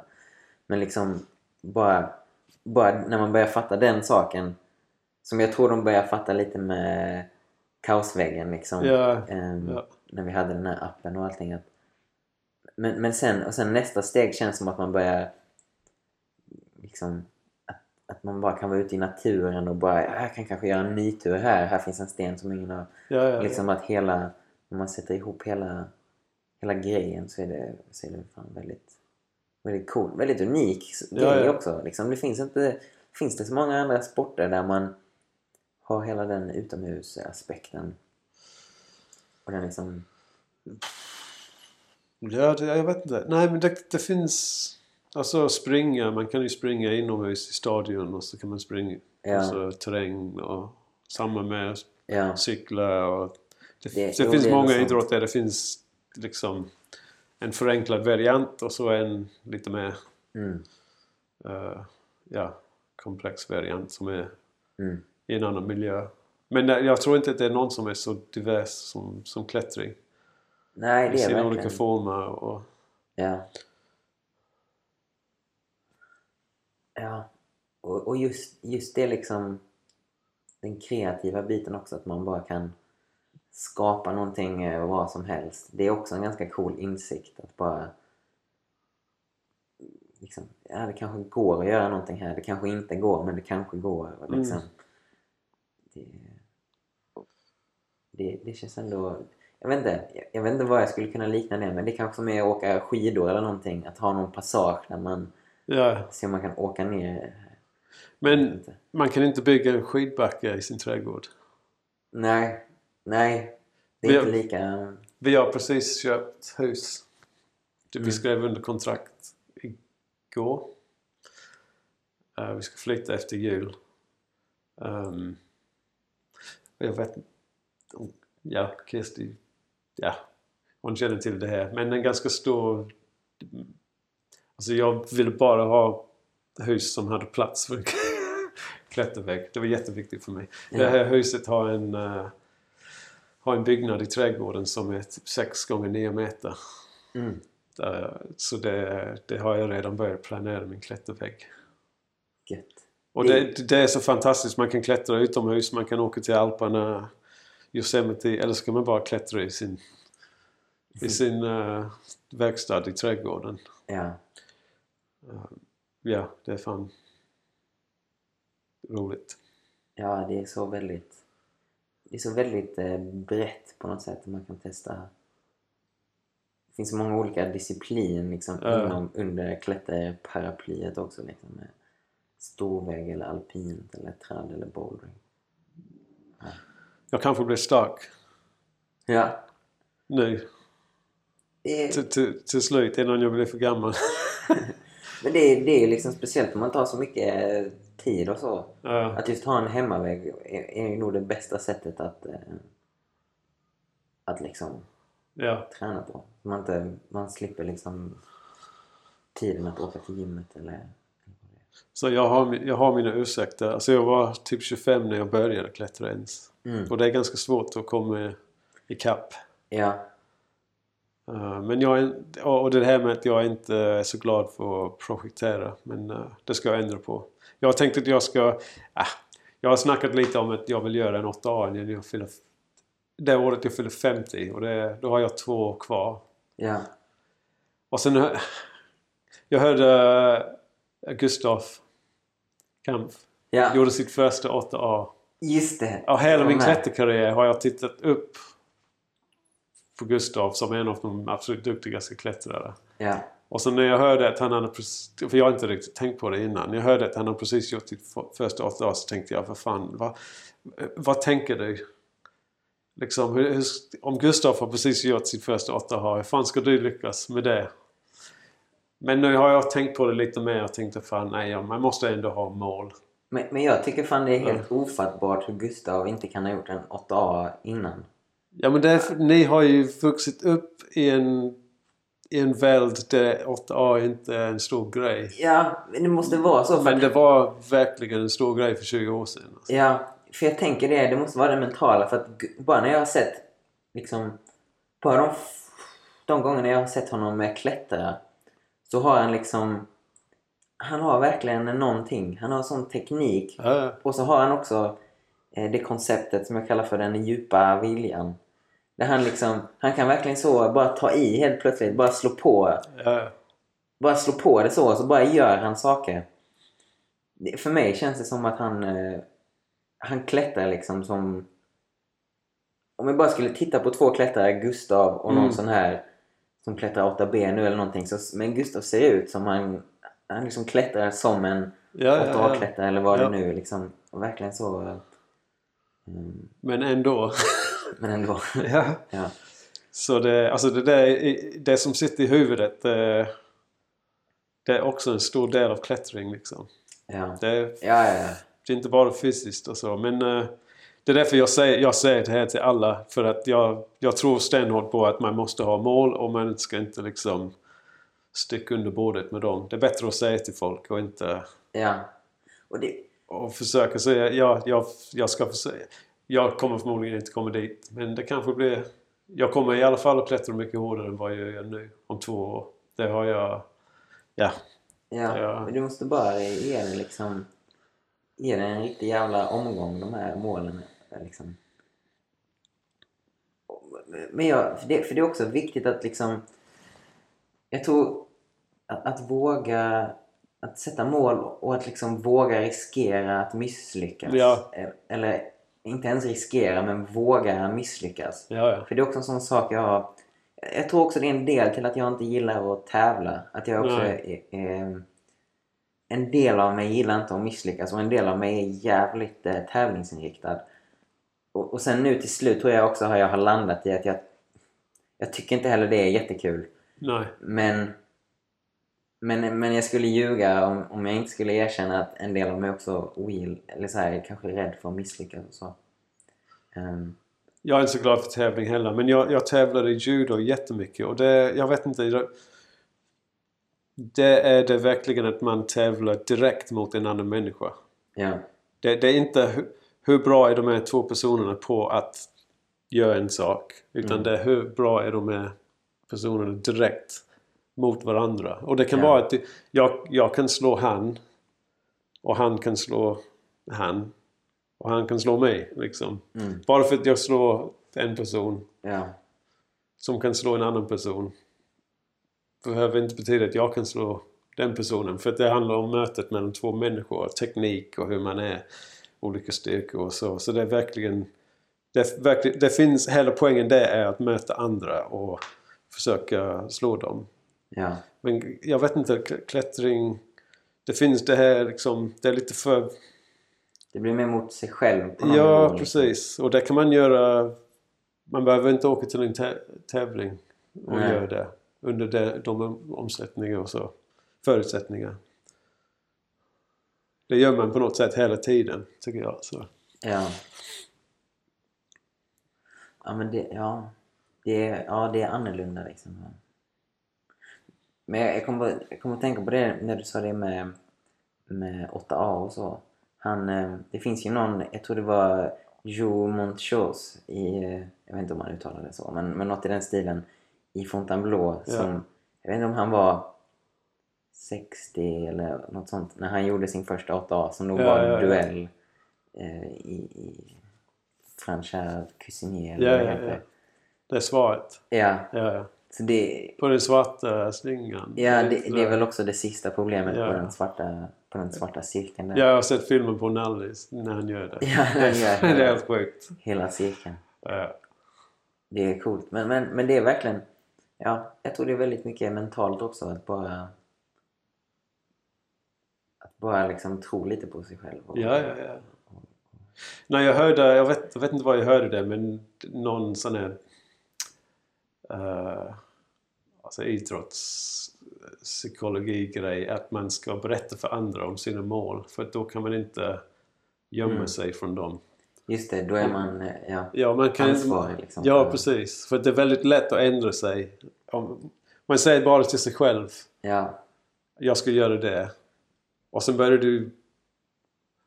Du tappar ditt förtroende för dig själv och då har du en dialog med dig. Nej men jag sa väl inte att jag skulle göra det. Eller nej det gjorde jag nog inte. Det var inte på allvar. Så, men Ja, om, du, ja. om du har berättat för andra så då kommer de och frågar hur går det med det där med 8A? Och så Ja. du kan inte liksom...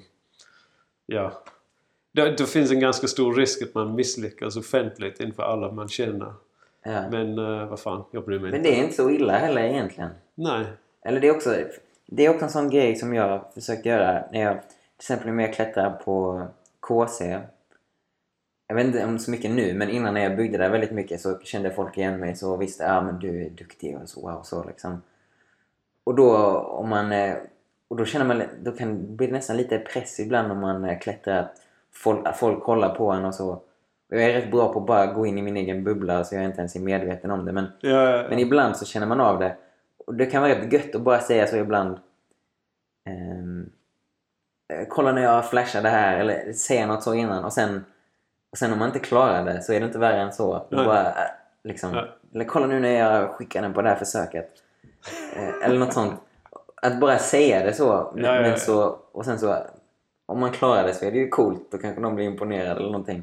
Men om man inte gör det så lär man sig bara okej, det var inte så farligt liksom. Eller, det, är, det är en rätt bra grej att så här, det är ingen Ja, stor... man ska inte ta det på för stor allvar. Nej, Eller vissa ingen- saker gör man, men inte...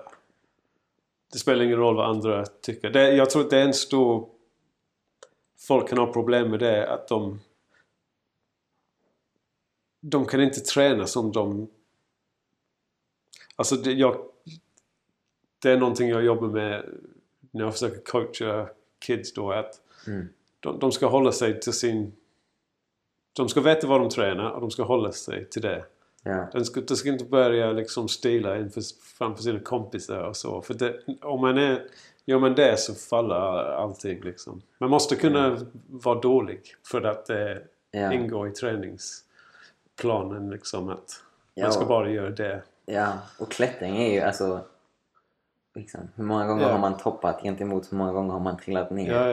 Det är ju liksom en mot Ja, ja 10 precis. 000 liksom. Och ib- ibland försöker jag klättra problem Alltså på ett sätt som ingen annan har gjort bara för att. Mm. Bara för att se om det går. Ja, Och så står folk och säger nej men du ska inte göra så. Och de skriker bete åt en. Så säger man ja men jag vill göra så här. Jag vet att det är kanske lättare men jag tränar. Nu tränar jag teknik så jag vill. ja, Och man måste kunna göra det utan att bry sig om vad folk tycker. ja. Jag, jag är väldigt mycket en processperson också. Så det här med att ha en långtidsplan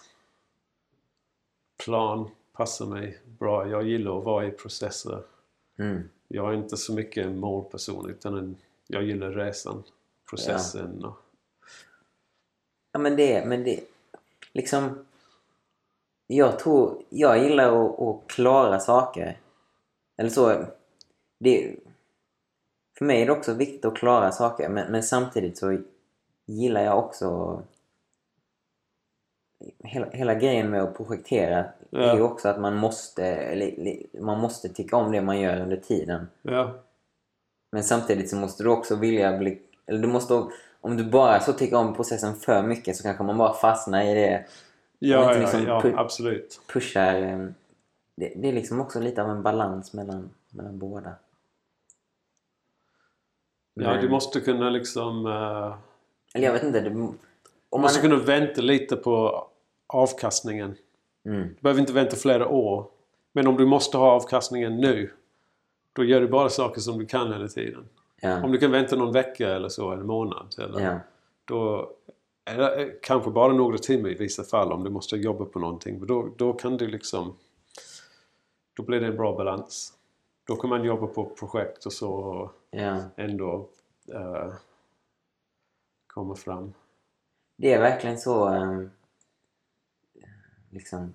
Delayed gratification. Eller det är liksom... Jag, Ja, precis. det, det var, ja, jag kommer inte på svenska ordet där men, men, men liksom att kunna att kunna skjuta upp belöningen på framtiden liksom, Ja. och, så, och så kanske istället få en större belöning.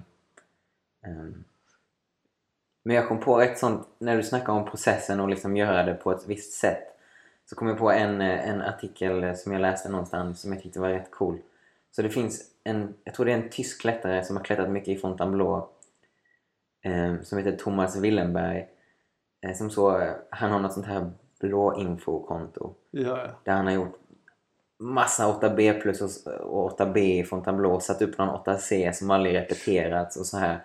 Men man hör inte någonting om honom någonstans. Nej. Jag vet inte om han klättrar längre, det här var för länge sedan. Ehm, så gjorde de någon intervju med honom så han, eh, han hade klättrat något problem också. Jag tror faktiskt han hade varit i Peak District där mm, och klättrat det här problemet Brad Pitt. ja, Ehm, men så... Och då finns det någon, den lättaste beten är att lägga upp någon häl eller någonting. Men så Ja. hade han istället gjort den med en, med en dyno rätt ja, igenom. ja. Och sen hade han då satt upp en sittstart till den. det var så ursprungligen. Och sen blev det nedgraderad med helhooken. Ah, okej. Av någon, eh, jag kommer inte ihåg vem det var men det var, ja. Men förlåt. Ja. Ja, men, men sen då så satte han upp någon sittstart till den här då också. Eh, 8B plus eller något jättesvårt. Men så ville han också göra dynon i slutet liksom för han... Även fast han gjorde det här jättesvåra problemet där den här Ja, ja, sista ja. dynon säkert gjorde det mycket svårare. Men så ville han liksom ha den upplevelsen. Han ville göra dynon i, slutet bara. Låt mig gissa, det var en onödig, lång svår process bara för att han envisade med att göra Ja, den svårare. jag, jag, vet inte exakt men, men jag tror det var mycket. Ja. Men liksom det spelade ingen, som jag förstod det så spelade det ingen roll för honom för han ville ha den, det var så han ville göra det liksom. Ja, ja. Det var den processen han ville, ville göra liksom. Så, Men det, alltså, jag tycker det. Jag blir glad när jag hör sånt. För det, hela klättring är ju... Okej, klippan finns där men att man ska börja där och sluta där och det får ett namn och man måste göra på vissa sätt med vissa regler. Det är ju bara en konstruktion liksom. ja, Du, du, du kan lika väl göra precis vad du vill. ja, och så det blir en helt annan diskussion kring etik och bla bla bla bla bla. Men i slutändan så är det ganska liksom... Ja. Det är bara påhittade... ja om, om, man, om, man inte, om man inte har insett det så är man lite fast. Det är som om du klättrar ditt problem och vill klättra det på ett visst sätt och de andra, någon står och kollar på och liksom bara Nej men du kan ju bara göra så här. Som liksom inte har, som, som inte har fattat liksom att eh, det, det handlar kanske inte bara om att komma upp till toppen Nej, hela nej, tiden. precis. Man är på något sätt fast i ett litet fängelse då. Jag, vet, jag har också upplevt det någon gång när jag varit i Magic Wood och så. När det är många sådana duktiga klättrare som är där. Och så kan man, ibland är det bara en sån atmosfär att liksom det enda de pratar om är liksom nästa svåra problem. Någon frågar, och vi var någonstans och frågade dem, ja vet ni någon bra eh, chaussé som är bra för korta klättrare eller något sånt där. De vill ha något väldigt specifikt och så är Ja, det bara... lite ont i uh, ringfingret på vänster hand. Ja, de vill hitta liksom de här specifika sakerna för att klara och det. Ja, ja. Då handlar det liksom bara om att ja, klara saker hela tiden och liksom... Jag vet inte. Men det, som du säger, det är balans. Man vill ju gärna klara saker. Mm. Och man vill, gärna, man vill gärna göra det på samma sätt. Alltså på det riktiga sättet som andra har gjort, som det står i guideboken. Alltså det är ändå en social Mm. grej. Och det, ja. Eh, så det är ju viktigt men... Men ibland kan jag... Jag känner ändå så att om någon har gjort... Om någon har klättrat ett problem på ett jättedumt sätt. Liksom att ha någon definierad start jättelångt ner när det finns ett tydligt startgrepp. Ja, ja. Då kan jag bara känna så, nej då, då vill jag bara klättra den så här. Och sen så berättar jag kanske inte det för någon då om, om det ska bli ett jävla massa liv liksom. Eller, men liksom, jag vill lite klättra det som jag tycker är linjen. Men om du, om, du, om du rapporterar in ett problem, då är det viktigt att du har gjort det ja, på det sättet du säger. Alltså, ja, ja, men eller hur, då måste man säga det ja. kanske. Eller så, alltså det finns vissa... det John. John eh, jag, jag menar inget illa. Nej, nej, nej, inte alls, Förlåt John Burgess, men alla John Burgess sitstarts är omöjliga. Ja, Jag vet inte varför, om man verkligen sitter eller på, på 20 på kul. två paddor. Ja, precis. Jag garanterar att alla John Burgess sitstarts som är 6A eller 6B är... Men, men Ja, jag tror omöjligt. också... För han har satt upp massa problem på 20 kul. Ja, Men jag tror, jag tror också många av hans problem är jävligt eh, sandbaggade. Ja, det kan vara det också, men de är... Alltså särskilt sitstartsen... Det sättet de är gjort på är... Man får ofta en känsla av att någon satt på en ölback eller någonting. Eh, någonting typ i den storleken. För Ja. att kunna, eller, alltså, eller så var han otroligt duktig på på att hitta konstiga ställningar. Jag vet inte. Men, eh, Ja. men det är alltid så med vissa klättrare. Sätter upp vissa, är bra på någonting. Mm. Och, och sätter upp många problem i den stilen. Men, Ja. Jo men det är sant och det finns väl... Ja. Det, är- det är också det här med sittstarter liksom. Som, som flyter ut i någon Ja, man ja, börjar ja. Man börjar, Ja. padda eller inte. Och nu finns det liksom en halv meter tjocka paddor nästan. Och- Ja, precis. Men, eh, ja. Vi hade, när jag började på 20 så hade vi eh, en hemmagjord padda som var en liggunderlag, dubbelvikt med lite skum, lite skum, uh, sån där s- billig sovmadrass emellan. Eh, och så hade vi tejpat på lite presenning. Det var inte, alltså det var inte större än en halv meter gånger jag tror, att, det- jag tror att det var typ 60 gånger 50 eller någonting. Mm. Alltså det, det var det enda vi hade i flera år. Det fanns ju inga paddor att köpa. Nej. Det är svårt för ni ungdomar att, att förstå. ja. Alltså men det är ju... Jag tänker bara på de highballsen på 20 kull. Och de landningarna liksom som typ tryggare kan ingen vara. Och Ja, de här ja, ja. riktigt jävliga highballsen som är sjukt obehagliga. När jag klättrade med typ så här fem tjocka paddor under mig. Men de gjordes inte då tror jag. Ah, de gjordes ändå, nej kanske inte då. Men liksom, det var ju typ med de första paddorna.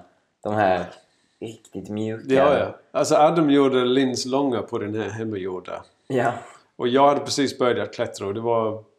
Eller vi hade klättrat ett tag på, på Kulleberg då men hade precis börjat bouldra och var lite ovan och inte ha rep och så. Mm.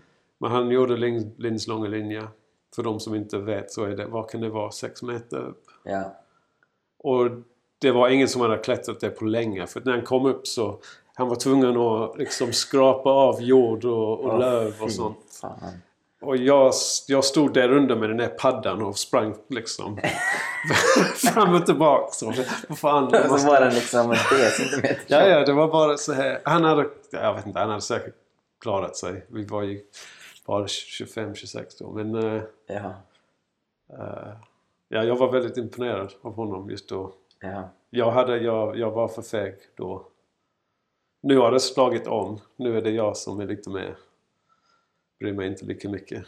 Ja. Men ehm, ja, men det, det är coolt så just när man går eh, ground up också. ja, Det är det igen liksom. Då klättrar man in i det okända och så Ja. måste man bara lita på sin egen, egen förmåga. Det, det jag har kommit fram till att jag tycker det är det mest intressanta. För att liksom att hänga ner på en highball på, på topprep och känna in. ja, Då är det liksom, då är, då är, då är det liksom bara en, du, eh, vad heter det? Regurgitera, du vet. ja, ja, ja. bara gör exakt samma, det handlar bara om att göra exakt samma. Men när du klättrar någonting ground up eller on site då är det liksom din äkta klätterförmåga bara. Liksom hur, hur bra anpassar du dig nu i stunden till... Det är inte, jag tror faktiskt på att man... Okej, jag ska göra en liknelse. Jag, jag är akademiker. Jag åker iväg och håller presentationer ibland på konferenser. Ja. Väldigt länge så jag var väldigt, väldigt rädd att prata inför folk. Jag blev skitnervös. Så pass att det var en... Redan en, två veckor innan så började jag liksom inte kunna sova och Mm. jag förberedde mig så jävla mycket att jag kunde liksom... Jag, jag övade in varen, varenda ord och rörelse och, Ja. och så blev det... Jag klarade av det och det, det var säkert inte så dåligt men det var... må- Många år, under många år så hade jag samma process och jag hatade det och jag... Det var alltid samma sak. Efteråt så var det liksom åh fy fan det är gjort och men kommer knappt ihåg vad som hade hänt. Och Nej, jag var ja. inte, ens, inte alls närvarande. Sen kom jag på att jag kunde helt släppa på det och bara typ vet ungefär vad jag skulle säga och sen bara komma på det när jag stod där uppe. Ja. Och fy fan vilken jävla uh, skillnad. Ja. Det var helt otroligt. Och så det, presentationen blev mycket roligare. Jag var helt närvarande. Mm. Kom ihåg allting efteråt. Kom faktiskt på formuleringar i, i stunden som var bra. Till och med överraskade mig själv och lärde mig saker av mig själv liksom i... Ja, det, det, det var en riktigt, riktigt uppenbarelse för mig. Ja. Och det finns säkert, säkert en liknelse där liksom att man... eh, det är svårt att komma in i, i någon typ av flow eller någonting om man bara har övat in någonting. Ja. Och man ska bara upprepa det man har övat in jättemånga gånger. Det handlar om att man ska göra rätt. Man ska, man ska inte göra något fel. Medan om man, om man släpper lite på det och bara, ja, som du säger, då, det, det blir en helt annan upplevelse. Det, det känns också som man inte ger, om man bara övar in det så känns det som man ger inte sig själv lika mycket utrymme att utvecklas på något sätt. Nej. Eller liksom så... Ja. Ja, det är klart det är en skillnad mellan att stå och prata inför folk och klättra för att Alltså ibland kanske klättringen är så pass svår att man, man måste bara öva in och göra helt rätt och Ja. så. Men, Men det är väl eh, ändå de extrema fallen, Ja. tänker jag liksom. Ja, Jag, jag kan känna igen det så med det här med... Som du sa, liksom, att man går in i det okända. ja, Lite också, för, för jag var så eh, rätt länge nervös med så här sociala situationer. och Man ska behöva prata med folk och liksom mm, eh, och sånt.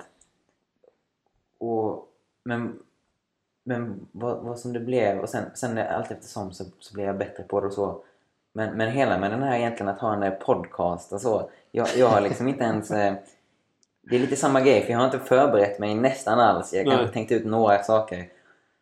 Eh, men, men så är det bara... Man måste bara ha förtroende till sin egen förmåga att eh, prata liksom och så bara ger man sig in. Och sen när man börjar prata så bara kommer man på fler saker och så bara händer det grejer och så, och så, och så funkar det bra oftast. Men som du sa själv, du kan, vi kan ju bara slänga det här om det blir dåligt. Det kan man inte göra om man står framför Nej, nej det är 500 sant. pers och snackar skit i 20 minuter. Nej, det är sant. Du kan inte ta tillbaks det efteråt. Det är sant. Eh, Man har en extra liten skyddsmur här liksom. Ja. Men, eh, men, men samtidigt så, eh, så vet jag till exempel att ehm, ja, men jag har sagt till folk att eh, ja, men jag försöker släppa ett avsnitt i månaden eller vad det är. Så då vet jag att jag måste ha någon bra eh, konversation. Eller så, här, så det är ändå, man har ändå något ansvar där liksom. Men ja. Men har du släppt någon? Jag släppte tre stycken. Ja, okej. Ehm, så ehm, så de, de, ligger, de ligger ute. Ja, det, det, det verkar vara inne. ja. ja, det är väl massa eh, Satan och hans mormor eller hur det går. Satan Är, det, är det tävling mellan dig och Sandra? Är det samma, samma som mellan dig och Simon? Om Nej, man släpper en riktigt bra en så är det fuck, ja. Nej, jag kan inte prata med henne liksom. Nej, faktiskt inte. Jag, jag hade tänkt riktigt länge på att jag ville göra en podcast. Och så var det lite samma sak som... Så här, jag sköt upp det hela tiden och så blev det aldrig av. Ja. Och sen så eh, startade Sandra en podcast med Susanna. Ja, Eh, Kruxet. ja. Och så tänkte jag bara, "Ah, fan, ja. nu- Då, då, blev det lite så, bara, ja men nu ska jag också göra det. Liksom. Nu har jag tänkt på det här länge. Så. Ehm, Jag har svårt att lyssna på podcast på folk jag känner. Det finns någon på jobbet som gjort, gjort en podcast. mm, Som ska vara ganska bra alltså, men jag har inte lyssnat på det. ja. Det har funnits i flera år. Det är till och med så att jag lyssnar på jättemånga podcasts flera timmar om dagen. Så jag har gjort det hur länge som helst. ja. Ibland om jag bara ser en bild på den som håller i podcasten så kan jag inte lyssna på den längre. Eh, jag vet inte, det är konst, konstigt. Men det är ännu värre på folk jag känner. ja. Eh, Jag vet inte, jag är också så vissa... Jag har lyssnat på väldigt mycket podcast på engelska bara. Ja. Jag har haft svårt att lyssna på svenska podcasts. Eller jag bara så har inte, bara, bara inte känt för det eller någonting. Jag vet inte riktigt. vil- Vilka lyssnar du på? Ehm, jag, lys- jag lyssnar lite på Joe Rogan. Ja, eh, en del. Sen finns det en som heter The Portal. ja, Som jag tycker är riktigt bra. En av mina favoritpodcast. Och en som heter eh, Dark Horse eh, Podcast. The Portal och Dark Horse Podcast är faktiskt två bröder som har varsin. ja, ja, ja. De, båda de tycker jag är väldigt, väldigt intressanta. Coolt. Ehm, ja, är det något mer? Jag lyssnar lite på Sam Harris eh, podcast också. Jag gjorde det innan men jag tröttnat lite faktiskt. Mm. Jag tycker det är med... Jag, tyck, ja, jag tycker det är svårare och svårare att smälta hans... eh, hans eh, argument. Ja. Han, eh, ja. Jag gillar honom jättemycket. Jag har lyssnat flera år på honom jättemycket. Men ja, det här med att man kan diskutera allt och inget är för härligt för diskussioner och så. Jag vet inte jag, om jag köper det längre. Mm. Um, han nöter, det finns några saker han nöter lite för mycket tycker jag.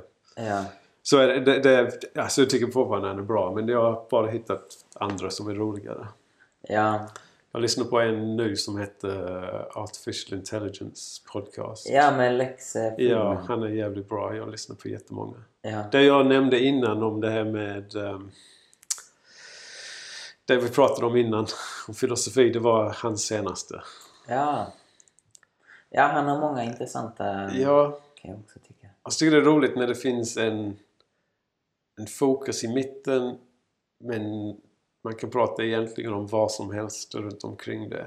Ja. Det, det är så hans podcast är. Alltså det, det låter kanske lite nördigt, artificial intelligence, men det, det handlar om allt annat än det oftast. Ja. Jag har också funderat på det med, med det här om om man skulle ha lite mer struktur typ och ha något eh, för, för ofta blir det lite så kaosartat och man Ja. bara flyger runt. Jag vet inte, jag tycker det kan vara rätt nice också. Men, men, men det kanske också är bra att ha någon, någon struktur, liksom att man har någonting som man Ja. följer och sen att man... Alltså inte. det är lätt för dem, för de bjuder in kända personer som är ofta kända för vissa saker. Mm. Ja. Alltså jag, jag och de andra som du har pratat med, vi är inte så kända. För, vi är inte kända för, för att ha gjort någonting särskilt liksom. Så Nej, det är svårt att lägga en struktur kanske, jag vet inte. Ja, men då, får man, då blir det istället att man börjar upptäcka istället. Liksom, Ja, ja. Kanske. Men ehm, vi, det är mörkt här nu. Ja, Vi kanske ska, eh, ska runda av. Jag vet inte hur länge vi har, eh, vi har kört. Ehm, ett tag. ja, bra tag. Ja, Men det var, det var riktigt... ja det var eh, kul. Det var väldigt kul. Tack så mycket för att, för att du ville vara med. Ja, det var riktigt roligt. Som du sa, vi har ju känt varandra ganska länge men vi har inte pratat så mycket. Nej, nej det är kul att, Ja. att eh, liksom, eh, liksom nästan lära känna folk Ja, igen. Eller så.